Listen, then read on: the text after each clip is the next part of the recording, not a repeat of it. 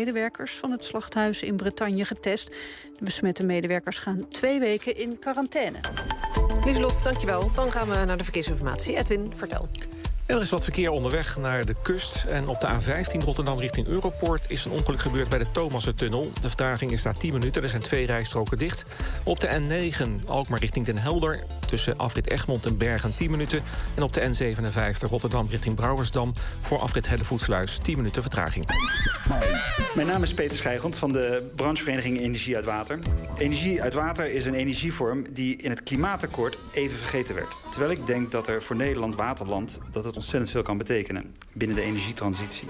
En daarom wil ik de spraakmakersverslaggever op pad sturen... om eens te kijken wat er op het gebied van energie uit water... allemaal gedaan kan worden in Nederland. Ja, want dat aandeel waterkracht mag dan slechts zo'n half procent... op de totale groene energie zijn. Toch is het goed voor zo'n 30.000 huishoudens. Alleen het aantal neemt af. En regelgeving om vissterfte terug te dringen... zet de effectiviteit van die drie grote centrales van ons land onder druk. Daarom wordt er onderzoek gedaan. Bijvoorbeeld door bureau Visadvies... bij de centrale van Vattenval in de Maas bij Lid. Maarten Bleumers gaat daar kijken met Jan Kemper... en hij is de directeur van Visadvies. Grote oranje boeien in het water. Ja, dat, dat, dat en net, hier...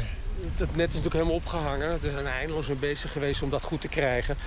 En het eindigt uiteindelijk achterin uh, een klein kokertje. Van, ja. je, je, ziet het kokertje net boven water uh, daar. Oh ja, ja. En dan hebben we drie camera's boven elkaar om, uh, om die beesten te kunnen zien. Zo wordt er gewoon feitelijk hier bij de stuw geteld hoeveel vissen...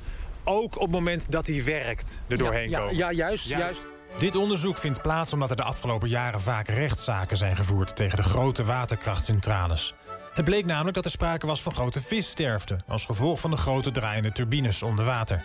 Vooral paling en zalm waren de dupe. Ruben Bil, jurist bij Sportvisserij Nederland. Niet voor niets dat Sportvisserij Nederland vaak tegenover de energieproducent te vinden was in de rechtszaal. Bepaalde centrales die leiden bijvoorbeeld tot 30% directe sterfte.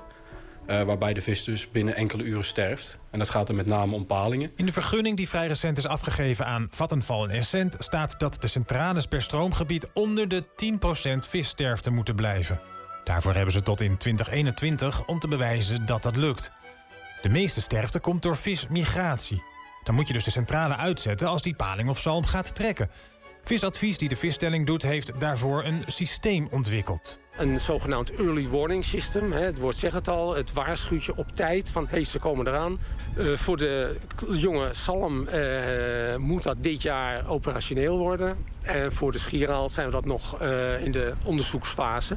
Er wordt gebruik gemaakt van twee methodes. De ene kijkt stroomopwaarts. Komen daar migrerende vissen langs, dan kun je ze even laten bij de centrale verwachten.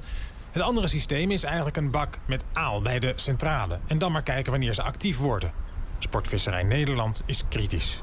En als er dan iets uh, uh, verandert, en dat kan van alles zijn... en wat bijvoorbeeld van invloed is, is de maan... Ja. en op basis daarvan zegt men, hé hey, kijk, die alen worden actief... nu gaat het gebeuren. Nou komen de alen en nou gaan ze migreren... en nou moeten we die waterkastcentrale stilzetten.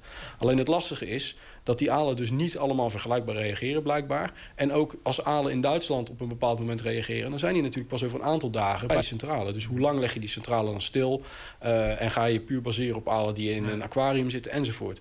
En uit Duitsland, uh, daar zijn een paar resultaten die zijn positief gebleken. Alleen in Ierland hebben ze hem ook getest. En dat was desastreus, zo slecht zelfs... dat ze na een korte periode gestopt zijn met testen. Omdat eigenlijk nou ja, de voorspellingen er volledig naast zaten. Hmm. En alles nog versnipperd werd. Veel onzekerheden dus. En irritatie bij alle partijen. Die 10% die is ooit genoemd. En daar ligt niet echt een hele wetenschappelijke grondslag aan.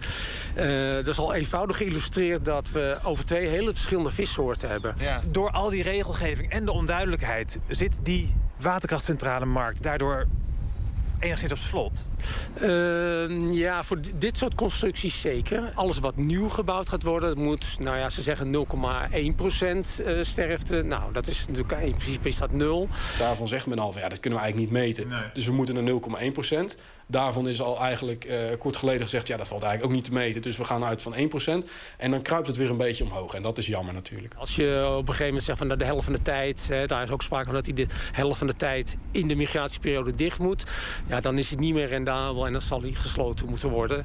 Uh, wat je als alternatief wel ziet... is dat er kleinschalige waterkracht is. En dit is de achterkant van de werkende stuw. En hierachter bevindt zich de, ja, in feite de niet in gebruik zijnde stuw.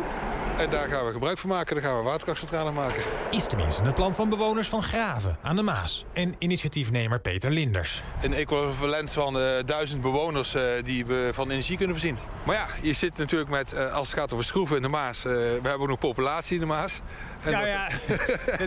Wat, er zwemt hier van alles doorheen natuurlijk. Ja, ja. Daar, daar, moet je... Ik zag hem niet aankomen. Nee. Nee, ik zag hem niet aankomen. Ik denk van nou, hoezo visserij? En dus lag het project stil en wordt er nu naastig gezocht naar een 100% visvriendelijke waterkrachtcentrale. De oplossing wordt vaak gezocht in het omhulsel. We zaten op het spoor van een totaal dichte mantel. En die, uh, die wordt vooral in, uh, in, Oostenrijk toegepast. En uh, door die dichte mantel kan de vis nergens naartoe. En wordt die omhoog gelift of, om, of omlaag gelift. Dus dan heb je in feite een visstrap in de techniek. we zijn er inmiddels maar hier bleken ook weer nadelen aan te zitten. Dus die zoektocht gaat nog voort. En wat betreft de 100% visvriendelijke centrale... ondanks ook Nederlandse bedrijven die zeggen dat te kunnen leveren... is Jan Kemper van Visadvies weinig optimistisch. Op de 0% uh, heb ik ze nog niet gezien. Ja. En de vraag is van ja, gaat een heel grootschalig apparaat dat doen? En de investering is zo groot en je moet het dan gaan testen. En als dan blijkt dat dat niet zo is... ja, niemand durft zich daaraan te wagen. En de regels mogen dan enigszins duidelijk lijken... voor wat de grote rivieren en Rijkswaterstaat betreft... Er duiken heel veel uh, um, initiatieven die poppen op. Uh, met name vanuit gemeentes of zelfs vanuit burgercollectieven.